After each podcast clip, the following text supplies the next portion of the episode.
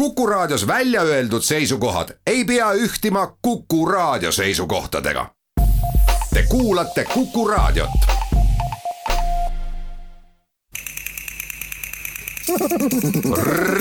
reisirada üks legend on selline, et see on tulnud sõnast, venekeelsest sõnast rjabina ehk pihlakas. ja selle tõttu on selline nimi, et keegi tsaari õukonnast oli lasknud pulli lahti ja olid otsustanud, et millise puu juurde läheb, siis selle nimi saab ja nii ongi Räpina, aga ma ei tea, kas see on õige, ma ei elanud sel ajal seisame muljetavaldavalt kauni maakivist hoone ees ja räägime selle juhataja Leo Kütiga, kelle kohta öeldi, et kui te Räpinas ajaloo ja legendide kohta midagi teada tahate saada, siis on see just tema, kes seda rääkida oskab. siin saatejuht Jaak Arin. Tervitan teid saatesse Reisirada regiooni Piiriveere, kus võrokesed ja setod koos toimetavad, nagu meile räägib Endla Mitt, Piirivere liidrist, kelle tõeliselt ilus büroo asub Räpina paberivabriku hoones. hoone, mille ees meie aga just vestleme, on üheksateistkümnendal sajandil ehitatud mõisa Tall Tõllakuur, mis elab kirjutelu loomemajana, kus saab end teostada ja ellu äratada oma sisemine loojaloom täna toimetab uue katuse all viisteist püsihuviringi, mida külastatakse alates lasteaiast surmani välja, ütleb Leo Kütt. Need on kõik agarad lapsed eh, ja nad jõuavad igale poole.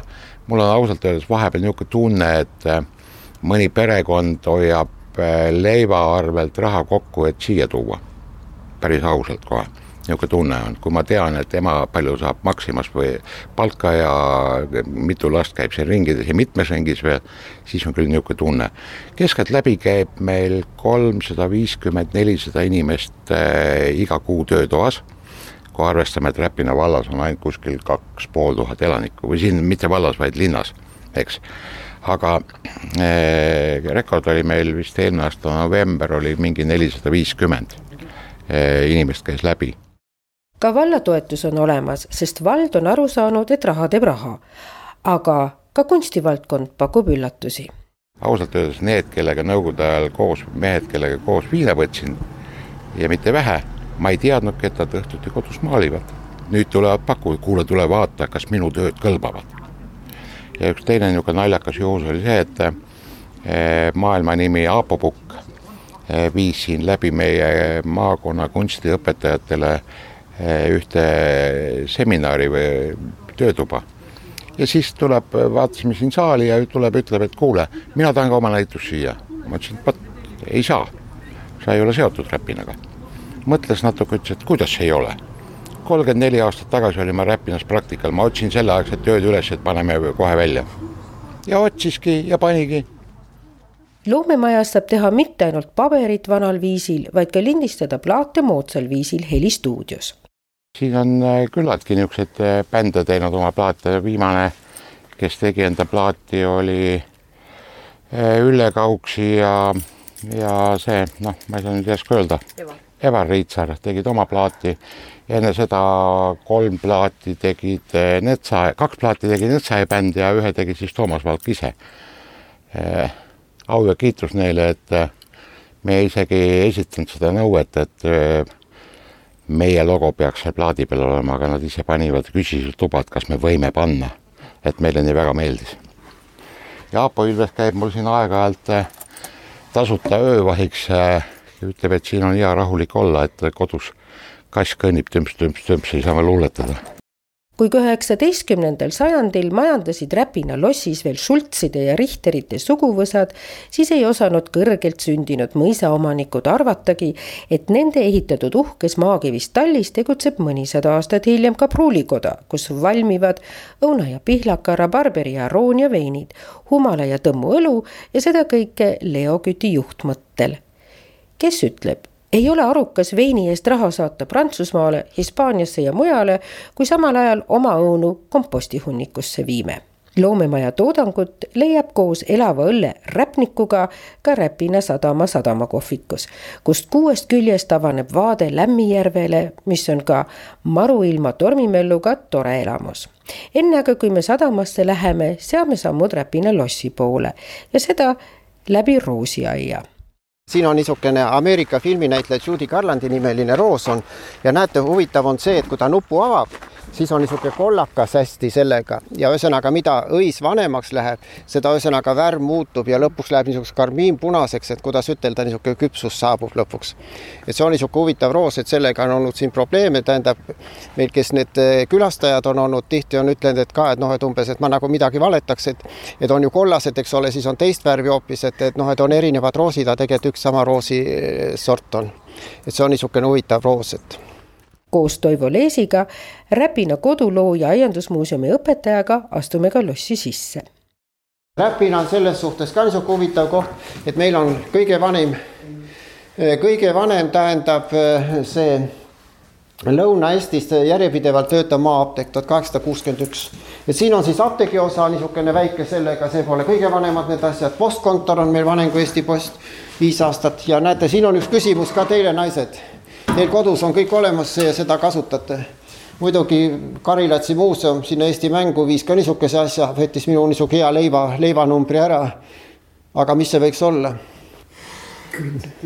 see on pesumasina eelkäija lossi ees vaatame üle Paisjärve, mille kallaste puud iga päevaga aina värvikamaks muutuvad ja sealt paistab kätte ka puusõja mälestusmärk. Stseen emotsionaalsest kokkupõrkest on kujutatud maketil ka lossi sees tuhat üheksasada neliteist oli niisugune lugu, et Peeter Esimene tähendab, kehtestas siin, või no Eesti läks ju kaheksale Vene keisririigi alla ja kehtestas siis siin eh, ka ühesõnaga need maksud, asjad, aga tähendab, Eestile anti eristaatus ja siit ühesõnaga talupojad ei teadnud maksudest mitte midagi. aeg läks siis edasi, niikaua kui tuli Katariina teine võimule ja Katariina teine siis ühtlustas kihelkondades või, või kubermangudes need maksud ja üks siis oli sellega, et, et siin siis Räpina talupojad, niisugused ärksamad, need käisid Riias seda õigust otsimas, mõtlesid, et kui maksavad keisrinnale maksud ära, siis on kogu lugu, eks ole. ja Räpina talupoegadel oli väga suured koormised, kuna kirik hakkas valmis saama, kirik sai ju üks aasta hiljem, kui see, see oli tuhat seitsesada kaheksakümmend viis, see oli tuhat seitsesada kaheksakümmend neli püüdi seda asja lahendada, kutsuti sinna Alamõisasse nad kokku, sõdureid oli kolmkümmend, talupoegi öeldakse, et kuni viissada ja nii nagu ikka, me midagi õigust otsime, siis oleme niisugused aktiivsed ja agressiivsed ja emotsionaalsed, nendel hõlma all siis kaikad ja noh, nagu ikka, seal läks löömaks lahti, tulistamiseks. ja noh, lõpptulemus oli see, et, et järgmised päevad siis ühesõnaga tuli Krahman Teufel, tuli Riiast, tema siis püüdis seda asja siin noh, selgeks rääkida ja, ja osad said oma vitsaabid kätte ja elu läks ikka sama rada eda, edasi. aga see sündmus on niisugune see, et huvitav, eelmine aasta Kersti Kaljulaid, oli ka, kui ta siin oli, ma tegin talle nelikümmend viis mintit seda Räpina tuuri ja siis üks niisugune tingimus või mitte tingimus ei olnud, aga noh, ühesõnaga selle kantseleiga, tähendab, sealt tuli nagu see, et tema tahab sellest siis nagu põhjalikumalt ja rohkem kuulda. et see on niisugune esmane väljaastumine, see Räpinas oli kõige suurem, teistes olid väiksemad need kohad niisugused sellega aga tagasi mõisa juurde, mis säilis tänu Viljandimaal asuvale Heimtali mõisniku pojale Peeter Anton von Sieversile ta oli kuu aega siin Räpinas, et nii nagu kaasajal käiakse vaatamas enne töökohta, kui võetakse vastu või midagi ostmise sellega. ta oli kuu aega siin, käis ühesõnaga metsad läbi, vaatas, kuidas talupojad elavad. ja midagi ta niisugust head siin ees väga ei olnud, sest talupoegade majad olid ilma korstnateta, Viljandimaal olid juba kõik korstnatega. ja see paberiveski olukord, see oli ka niisugune räämas ja mitte kõige paremas olukorras nii, aga siiski ta otsustab, et ta tuleb siis oma proua ja oma kuue lapsega siia Räpinasse ja tuhat kaheksasada viiskümmend kolm on siis niisugune tärmin, kus ta pandib selle mõisa, sest tal nii palju raha ei olnud korraga ja tulevad nad siia Räpinasse. kus nad täpselt elama hakkavad, selle kohta on mitu-mitu küsimärki õhus.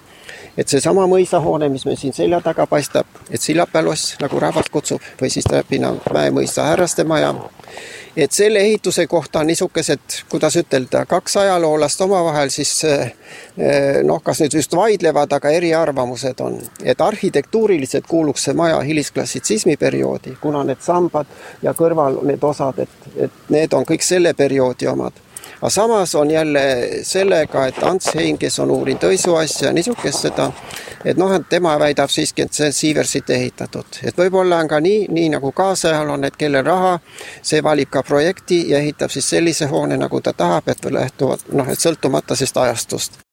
Sillape mõis avab oma uksed peale renoveerimist kahe tuhande kahekümne esimesel aastal. siis näeb ka, kuhu paigutub Nõukogude akadeemiku Ivan Mitšurini bareljeef, kes aretas taimi oma vaatenurgast. inimene võib ja peab looma uusi taimede vorme paremini loodusest, nii ütles ta.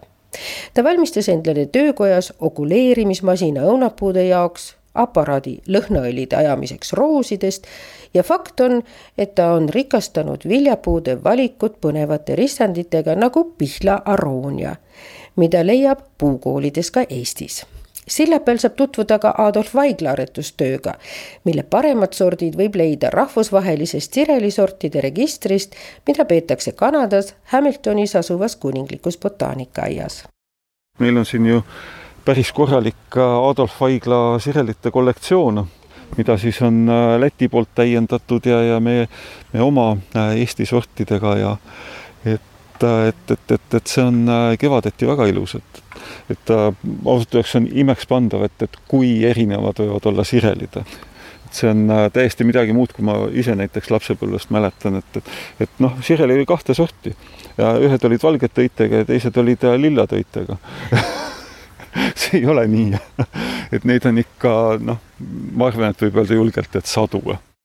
Räägin Räpina aianduskooli direktoriga, kelleks on Kalle Toom, kes ütleb, et Räpina oligi väga hea koht sellise mastaapse aianduskooli tekkimiseks, sest just siin on ka kliima veidi pehmem kui näiteks Haanjas.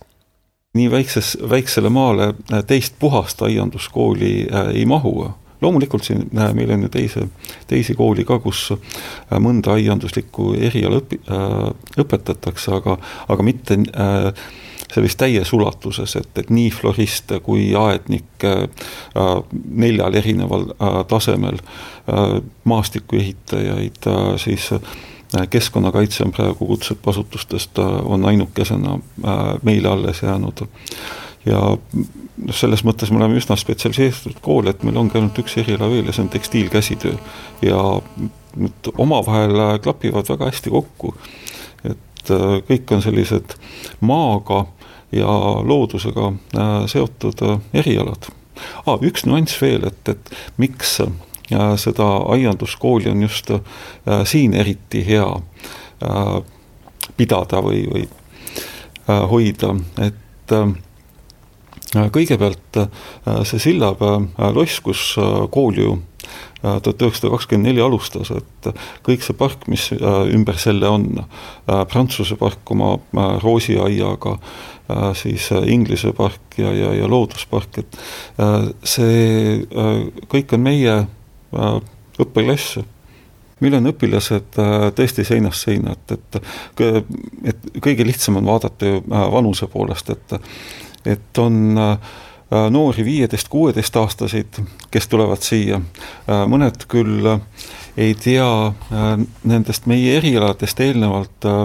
palju suurt midagi, aga täiesti märgatav osa tuleb väga kindla äh, sooviga saada aednikuks või saada maailma parimaks maastikuehitajaks või floristiks või kas või keskkonnakaitsjaks. Räpina park hõlmab täna Vana mõisaparki ja uuemat aianduskooli poolsaarel mis on ühelt poolt piiratud maalilise Võhandu jõe ning teiselt poolt Räpina paisjärvega.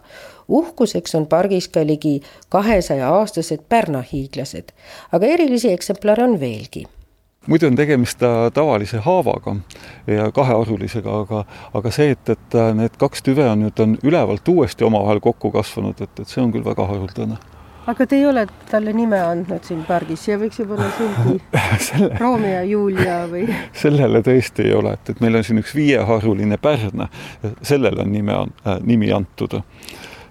viieharuline pärn, täiesti tavaline pärn. ja mis see nimi on äh,? kui ma õigesti mäletan, siis energiapuu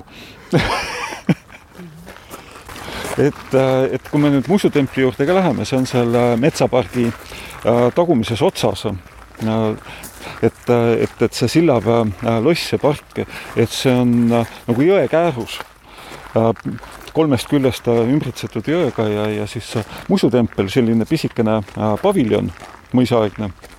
see, see on siis seal selle Neeme tipus, nii et kui me sealt sinna ka veel läheme, siis me käime siin rahulikult keskpäevani, jalutame mõnusalt ringi meie orienteerume selles hiigelpargis kõige paremal viisil kaardi järgi. loss on siin, Sillapäe loss, siin äh, lossi äh, jõepoolsel küljel on Prantsuse park, teisel pool küljel väga ilusate vaadetega läbi pargi jõel on Inglise park ja siin kõrval ja siin siis on metsapark, niisugune metsikum natukene. siit jalutamegi ühte kollektsiooniaeda siin on erinevad sektorid, on püsikud, on suvelilled, siis on seal hoidla seina ääres on kiviktaimla, siis on erinevaid spetsiaalsemaid alasid siin veel, noh, kõrgelised paistavad, siis roose, siis on siin laugud on alati üks, üks teema, aga noh, laukude aeg on, on möödas, et et ma ausalt öeldes ei oska öelda, et kas neid erinevaid liike ja sorte on siin nüüd äh, sadu või läheb see juba tuhandetesse aga mille järgi need taimed siia kollektsiooniaega satuvad? ega nad ei satu siia, et äh, siin ikkagi äh, õpetaja teeb äh, väga konkreetse plaani, et mida ta siia panna tahab äh,, mis äh, mida on oluline teada äh, nii äh, iluaianduse poole pealt kui ka siis äh, maastikuehituse, maastikukujunduse poole pealt, et siin oleksid need näidised olemas. ja äh, lisaks nüüd äh, otseselt äh, Äh, õppealasele otstarbele, see on, äh, see on hästi suuresti ka iluasi. iluasi meile endile ja äh, siis loomulikult ka külalistele, sest see on siin vabalt kättesaadav ju kakskümmend neli tundi ööpäevas. Minu lemmikud on alati laugud, aga laukude aeg on läbi ja ma ei saa teile mitte ühtegi näidata, aga, aga siin on selliseid laukusid, mis, mis kasvavad minu pikkuseks ja on niisuguseid pisikesi põlvepikkusi. ja siis nende ümber lendab alati kimalasi üks ports. ja see on väga ilus vaadata. no meil on äh, rukkililledega nii, et, et meil äh, see avamaa lillekasvatusõpetaja äh, teeb sohki ja äh, hakkab äh, rukkilille kasvatama juba kuskil jõulude ajal kasvuhoones. nii et meil on vabariigi aastapäevaks on, on alati ka rukkililled iluks välja panna. meie õpilased peavad kõik neid taimi tundma ladina keeles ja eesti keeles ka loomulikult aga ladina keele õppimine on meil igatahes täiesti kohustuslik et ilma selleta ei saa, see on täpselt sama asi nagu meditsiinis, et, et et äh, arstid saaksid äh, omavahel suhelda äh,, siis see äh, ladina keel on nende jaoks see lingua franca, et, et, et mis on neil see ühine. täpselt sama äh, asi on äh, siis aednikel et äh, ladina keel äh, paneb neid omavahel mõistma, et, et, et kui siin äh, lätlane, hollandlane või, ja eestlane satuvad kokku, nad suudavad suurepäraselt äh, aru saada, millest nad täpselt räägivad. Meelike Kruusemäe, aianduskooli infospetsialist, laadib igal esmaspäeval üles uue jooksva nädala info ja värskendab pildipanka. tema tutvustabki meile kooli personali erilist külge, sest peale õpetajate, kes hoolitsevad, et kõik toimib, on olemas ka Julius meie kooli personali selline täiesti ametlik liige on ka koer, taksikoer Julius, kes on juba üksteist aastat koolis tööl käinud oma peremees Indrekuga. Ja nemad siis äh, annavad tunde floristika osakonnas. Ma arvan, et ta on lihtsalt niisugune nunnu lisa, lisandväärtus. Aga selles mõttes äh, ta on ikkagi üpriski niisugune tore äh, korra, korravalvur ka, et, et kui hääl läheb ruumis suureks, siis ta hakkab haukuma. kõik on selgeks õpitud üheteistkümne aasta jooksul reisirada. noortega tegeleb Räpinas ka Kurmet Kärsna, kes on Räpina spordiklubi vedanud juba viis aastat ja kelle eestvedamisel rajati välispordiväljak. kuigi mõned arvavad, et see on liiga tee ääres, siis Kurmet leiab, et koht peabki hästi nähtaval olema, et ta kutsuks kohe ka sporti tegema siin on Räpina virgestusala ja seal on ka tegelikult eh, lumeta perioodil saab siin tegelikult discgolfi, discgolfipark on kaheksa korviga, mis on ka rajanud Räpina spordiklubi ja siis, kui on talvehooaeg, siis on ka tuubirada, saab siin kunstlund toota ja siis saab tuubitada, kui on miinuskraadid ja siis on ka suusarada. Äh, kas ka öine valgusega? ei ole kahjuks aga me püüdleme sinnapoole Kurmet ise sõidab jalgrattaga, ujub ja õpetab ujumist, mängib võrk- ja korvpalli ja diskgolfi. ja paljudel spordialadel on ta koolinoorena kergejõustikus olnud ka maakonnameistriks. halb on vaadata, kui midagi ei tee, et kui ise ei tee, siis ei tee nagu keegi. et sellepärast, et olen, olen ka praegu Räpina spordiklubis eh,, spordikoolis kergejõustikutreener ka väikse koormusega ja ja siin Räpina piirkonnas korraldame ka võistlusi, et Räpina spordiklubi on, kes korraldab siin võistlusi, meil on matkasarjad, siis on suusavõistlused, rattatuur, triatlonivõistlus, lasterattapäevad, et üht-teist ikka on, aga võiks ikka tegelikult rohkem olla ja Räpina inimesed võiksidki olla tegelikult natuke aktiivsemad. Neile annab Kurmet kümne palli skaalal kuus punkti tema värvilisel spordisärgil on ka Räpina valla vapp, kes toetab spordiklubi tegemisi.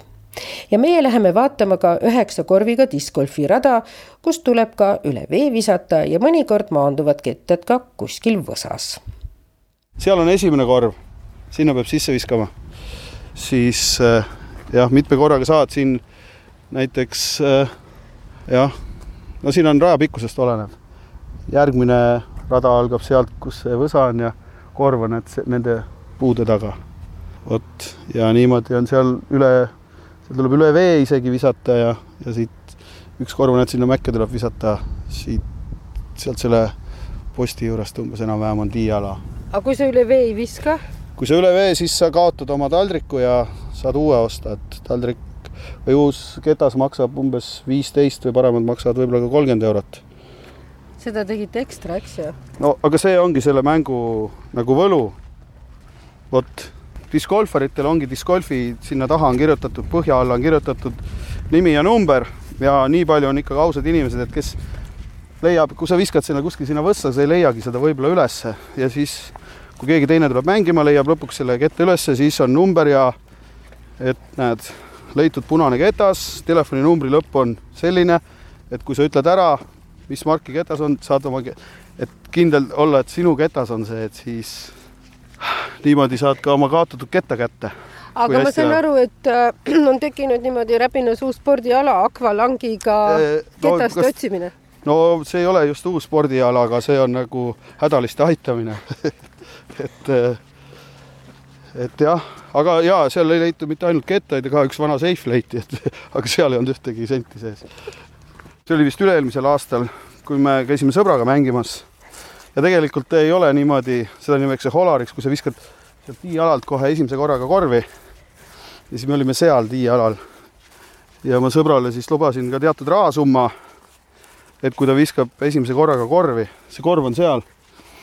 ja siis, no sõbral kunagi ei olnud visata ja need visatakse harva ja, ja, ja sõber viskaski esimese korraga korvi ja siis ma pidin talle raha andma, aga õnneks mul oli vene rublasid, et ma pääsesin odavalt saada.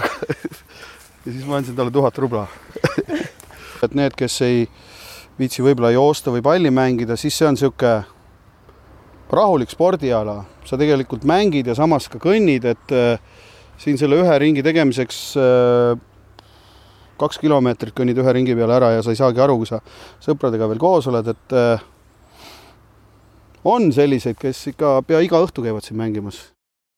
Peipsi koha on hea minna sööma Räpina ainukeses hotellis, erilise ajalooga majas, mille Ivo Karu koos poja Jannaga on renoveerinud kolmekümne aastate stiilis, kui vanaonu ta ehitas. stiili on hoitud tapeedist üle mööbli kuni stepsliteni söögikoht Võhandu kelleris valmivad šefi Indrek Aimi käe all parimad pitsad, sest tooraine tuleb otse Itaaliast. söögikoha hitiks on rebitud lihaga kelleri kuum pirukas lai käsitöö õllede valik tutvustab Lõuna-Eesti pruule nagu nuustakult ja Käbliku pruulikojast päris kodune köök ja mõnus retroelamus ootab Niitsiku kõrtsis. külastajate lemmikud on käsitsi tehtud kodused kotletid ja sealiha, vahetevahel saab ka päris mulgiputru. vastavalt hooajale valmib ka rabarbari, pihlaka ja jõuluks mandariini vein. maja ise on juba kakssada aastat vana nüüd aga ka Räpina sadama juurde, mis on sisse õnnistatud küll kahe tuhande kolmeteistkümnendal aastal, aasta kakskümmend kakskümmend valmis aga kaks uut abihoonet. nii tutvustab Hilhard Kirn, sadama kapten ja sihtasutuse Räpina puhkealad juhataja. ja koos uue arenguga on tal ka edasiarenduse mõtted kuna see veeliiklus on selles mõttes piiratud, et noh, saaks sealt, saaks merelt juurdepääsu järvele, siis oleks ju siin äh, tegevust kui palju ja, ja, ja neid lipu, võõraste lippude all sõitjaid. Ja noh, muidugi võiks olla meil ju veepiir Venemaaga, sellepärast et maismaapiir on, toimib täielikult, miks ei võiks olla näiteks vee pealt? Ja, ja meie oleme valmis, äh, siis me, tuleks meie sadamasse piiripunkt. tollivaba muidugi, mingisugust kauba taga lihtsalt, et saaks inimesed käia üle ja, ja ennast noh, registreerida ja nii edasi. aga jah, kahjuks seda ei ole. aga praegu saab siit sõita ka äh, Piirissaarele ja Piirissaarele saab, Suurele järvele saab sõita Vasknarva, Narva isegi. et paremini aru saada, kus oleme, siis on sadama kohviku välisseinal ka suur kaart, mida vaatame, sest sellel on oma eripära nii, see kaart on meil väga, väga, väga äh, asjalik kaart, selles mõttes ta ei ole üldse noh, topograafiliselt on ta absoluutselt valesti ju. aga äh, sest noh, kaart ju tavaliselt on põhja-lõunasuunaline, meil ta on külili pandud, aga ta annab väga hea ülevaate.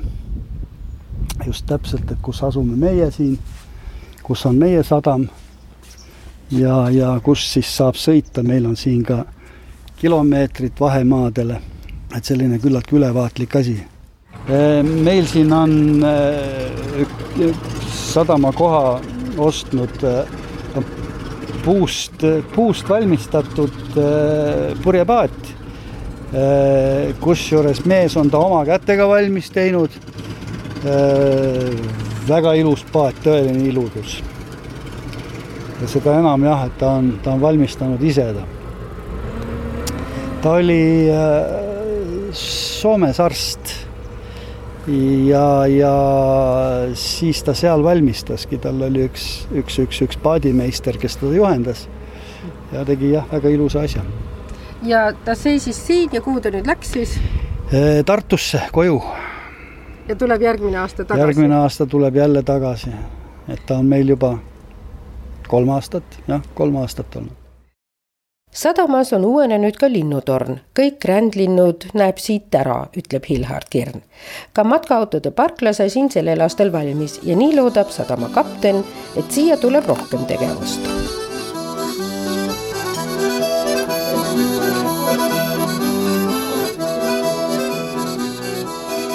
minu nimi on Inara Luigas. ma olen kuuekümne ühe aastane. ja praegu. jumalast seto. Ja praegu olen Solle maja perenaine. ja selle maja nimi on? ja selle maja nimi on Inara vanapalge kohvitar nii algab meie vestlus Seto kuningriigi endise ülemsootska ja Riigikogu liikmega, kelle juhtmõtteks on elu läheb edasi aga kui millessegi väga kinni jääda, ei saa uusi uksi enam lahti. Kui oled ühe sammu teinud, siis vaata, kus on avatud aknad või uksed ning astu rahulikult ja rõõmsalt edasi. küll midagi tuleb. ning uue väljakutsena tuli tema ellu oma restoran, sest tegemist on ka mitmekordse sõirameistriga.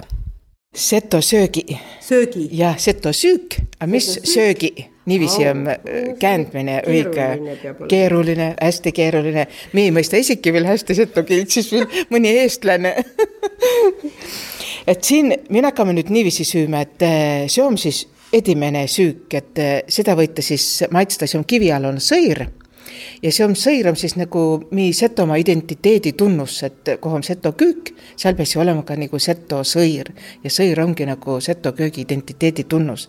aga seto sõira tetes meil siin kanti nagu kattemuudu on selline pehme sõir, mida tetes võiuga aga see on selline vanaoline retsept, see on kivialune sõir.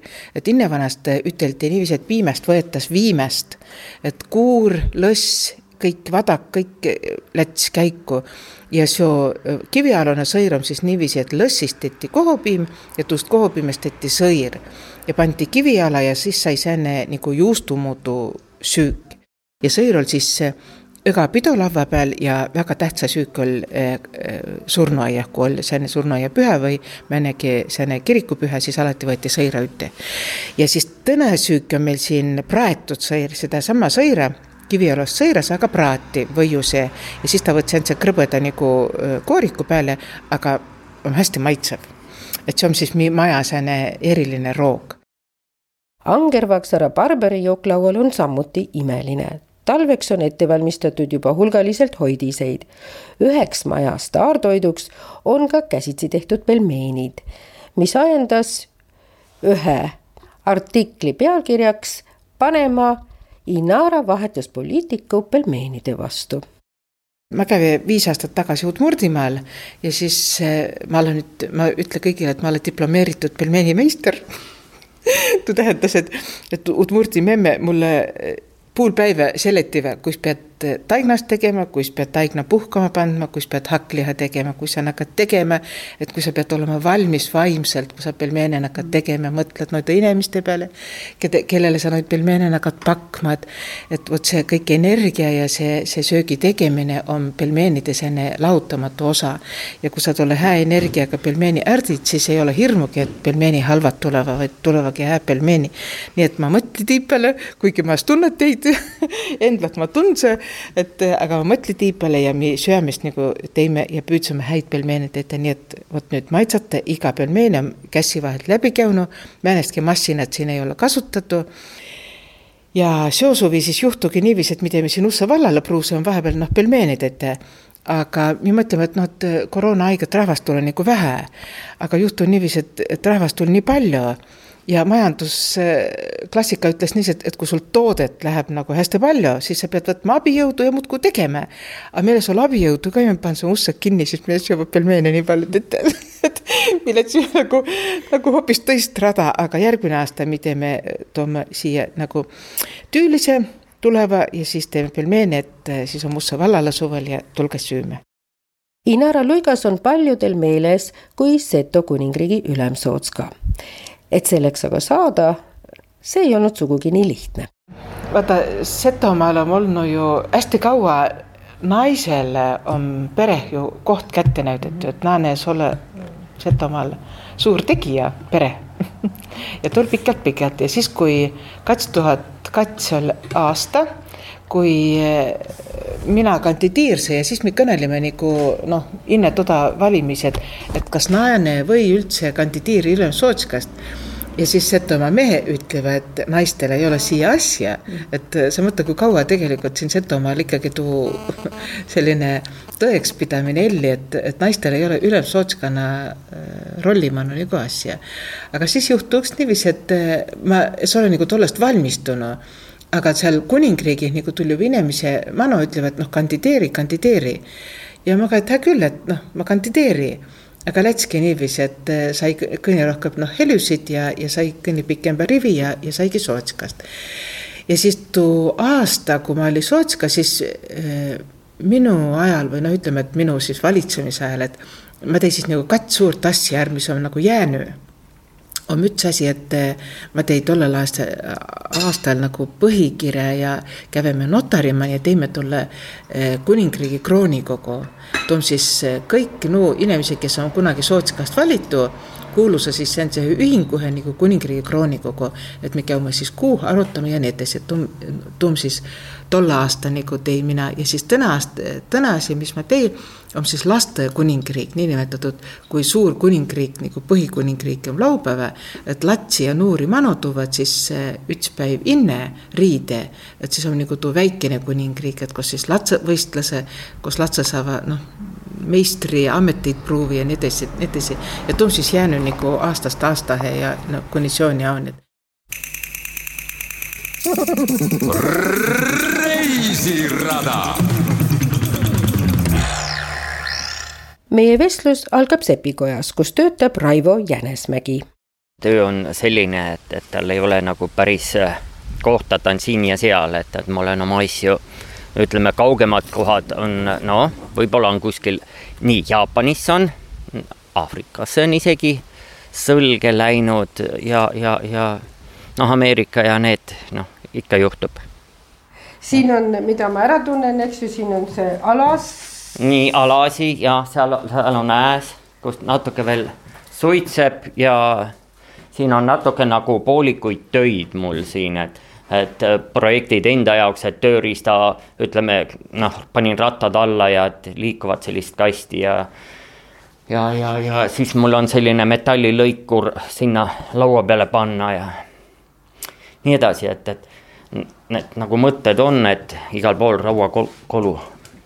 aga no ei, midagi ei saa minema visata, et jah, ega mul ongi nagu suures osas taaskasutus sepis, et, et hästi palju on nagu Äh, vana metalli, mis on, mis on kunagi juba kasutusel olnud. et, et ütleme, et siin on nagisid, mis on, ütleme, kunagi olnud hobuse pankri vits ja vitsast oli tehtud uksehinged ja siis lõpuks sain mina, tegin tast nagi, et noh, nii, nii see läheb, et mul on vahepeal postkasti juurde ka maha pandud, mm. esialgu ma ei teadnud, kes, kes see oli aga siis nüüd ma juba aastaid suhtlen, kes näiteks hobuse mm,, hobuseid rautab, tema tõi mulle nagu hobuseraudu erinevaid, et. hommikupoole tegi Raivo uksekoputeid, nüüd on käsil sõled. üks on tules, ühte lööd, ütleb ta. siit me saame selle kuuma kätte, kui on vaja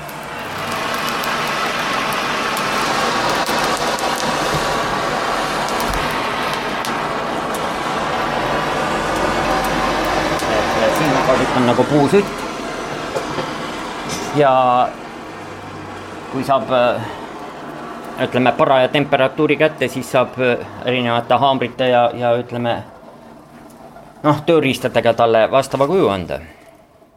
isegi soojamüüri konksud on väga olulised asjad. ma olen ikka ütelnud, et kui soojamüür teha ja konkse mitte panna, siis ta, ta on lihtsalt selline soe müür, aga vaata, kui on konksud ka, siis saad oma riideid kuivatada, et noh vanasti me mäletame sellest ajast, kui ütleme, need öö, lõigatud õunad või, või puravikud seal nööri järgi olid pandud, et kuivasid. siis, siis noh, tänapäeval on pigem, et sa tuled väljast, paned oma kindad sokid kuivama või saunast tuleb, paned oma käterätiku sinna nööri peale, ongi kõik, et.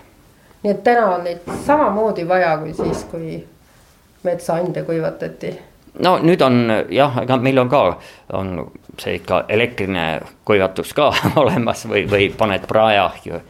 aga, aga noh, et elu, elu läheb nagu edasi, et.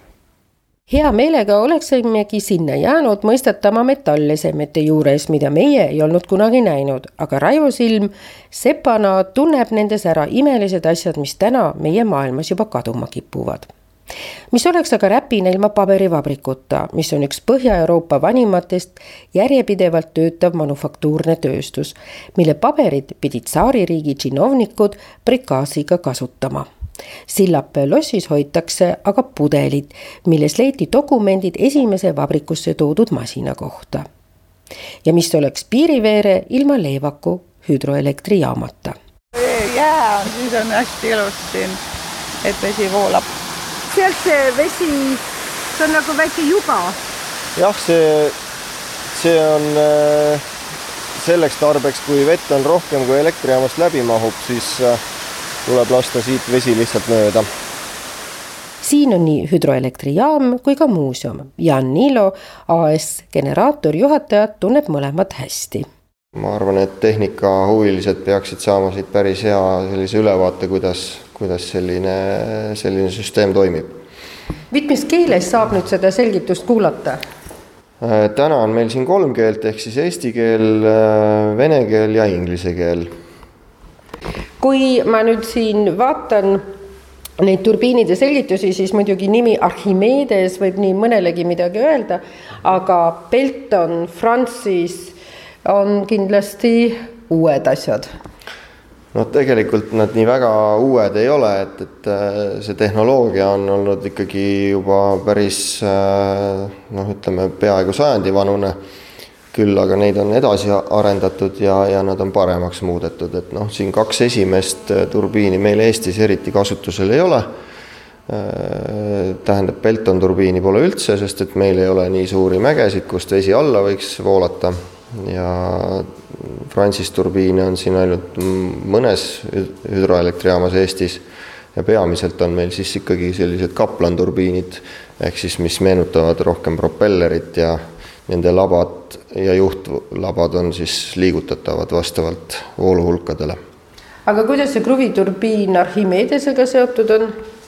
kruviturbiin ongi teise sõnaga Archimedese kruvi, ehk siis äh, see on üks äh, äh, tegelikult üks vanimaid turbiinitüüpe, kui mõelda ajaloos tagasi. teda küll kasutati pigem sellise pumbana seal juba enne, enne aja arvamist, aga tänaseks, miks ta on nagu tõusnud äh, esiplaanile, on see, et, et ta on äh, selline kalasõbralik ja, ja siit võivad ka kalad läbi ujuda. see on sander, see on kindlalt kuldne nett ja siin on meil sõstra roosa. Ja ma võin siia juurde panna veel näiteks orliku. Ja meil on olemas kristat. Ja ja me juba hakkame varsti tiinat korjama ja, aga no kuldrenett on muidugi kõige parem, siin on üks raeda suveõun. aga ma kohe tuvastan need ära ja panen sordinimed peale. Oleme Halika õunatalus, mille nimi tuleb kodutalu Halika nimest ja see omakorda on saanud pereliikmete nimede esitähed, kelleks on Henri, Alari, Lauri ja Ille siin valmib kvaliteetne ja ilus Eesti õun, ütleb Ille Kasvand. kui esimeses ruumis ulatuvad pea laeni õunakastid lõhnavate rohkete erinimesid kandvate õuntega, siis teises ruumis tegutseb masin, mis neid sorteerib et ühes sellises suures õunakastis on meil siis kolm kuni kolm pool tuhat õuna, et me saame selle masinaga ilusti teada, mitu mitukümmend tuhat õuna me parajasti läbi sorteerime ja kui suured-väiksed nad meil kõik on. meil on äh, aastaringselt on meid kaheksa ja õuna korjamise hooajal on meil õunakorjajaid kahekümne, kolmekümne ringis juures. Kes korjab kiiremini ja paremini, mehed või naised? ei ole vahet. seal on äh, kõik kinni inimese enda motivatsioonis ja tahtes teha ja ennast liigutada praegu ikka internetipood on kõige tähtsam, siis me jõuame iga inimeseni koju ka, sest hästi paljud küsisid, et kas meie ei saagi õunu, et me oleme siin Pärnumaal või kuskil Narvas või, või Rakveres, et me tahaks ka nagu õuna, et siis me nüüd oleme kõigi jaoks olemas, et lihtsalt klikake halika.ee ja, ja, ja paneme teile ilusti-kenasti õunad pakki ja, ja tulevad teile koju. leti taga särasime ikka väga palju aastaid, viisteist aastat särasime leti taga, et aga nüüd on nagu see tuntus ja nägu juba ja inimesed juba tunnevad enam-vähem meie järgi ära, et aa, teie müüsite neid õunu ja siis pane ainult pilt üles ja siis juba halika õun on hea aga kas vastab tõele, et uh, an apple a day keeps the doctor away? muidugi loomulikult, et seal on nii palju vitamiine seal koore sees. kolm, kolm õunapäevas tuleb süüa. et mis Apple, vähemalt kolm muidu ei saa sealt koore seest seda vajalikku kogust kätte, energiat ei saa ka nii palju, kui tegelikult meile kõigile vaja on ja lastele andke õunu.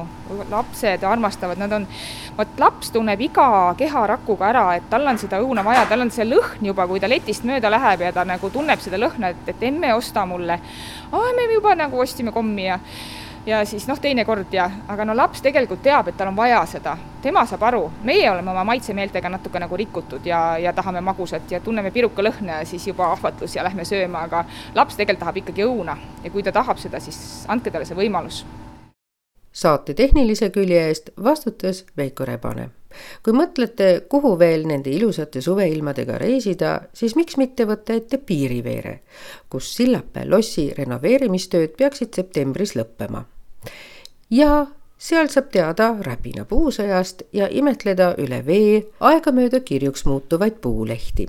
kahekümne kaheksandal augustil toimub Lüübnitsa sibula ja kalalaat, mis tähistab sel aastal oma kahekümnendat juubelit mille puhuks ka lava on värskelt renoveeritud. kõige minevam kaup laadal on ikka vana hea Peipsi sibul. osta saab teda kilokaupa või kaunite vanikutena kultuuriprogrammi peaesinejateks on ansamblid Väliharf ja Sünne Valtri bänd piiriveere liidrijuht Endla Mitt aga vaatab tagasi edukale õpilasmaleva üritusele.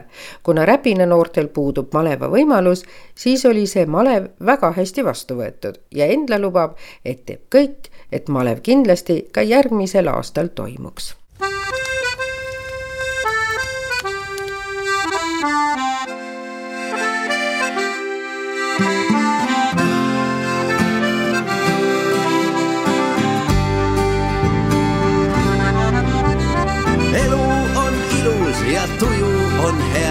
just sõbrale mõeldes said tehtud need read.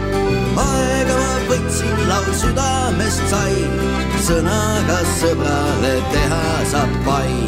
sõbraga koos lihtsam on töö, sõbraga koos valgem on öö, sõbraga koos maitsvam on söök ja lõbusam nöök. Sõprade pool pehmem on tool, sõprade pool tasuta pool, sõprade pool tunne on hool ja murest saab pool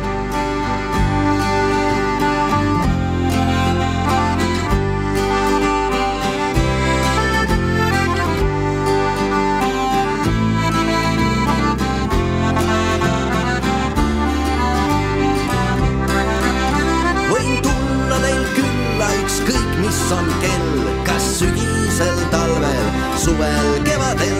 ma tean, et mind ootate päeval ja ööl. ma tulen küll teinekord, tehtud saab töö, sest sõbraga koos lihtsam on töö. sõbraga koos valgem on öö, sõbraga koos maitsvam on söök ja lõbusam nöök. sõprade pool sõprade pool, tasuta pool, sõprade pool, tunne on pool ja murest saab pool.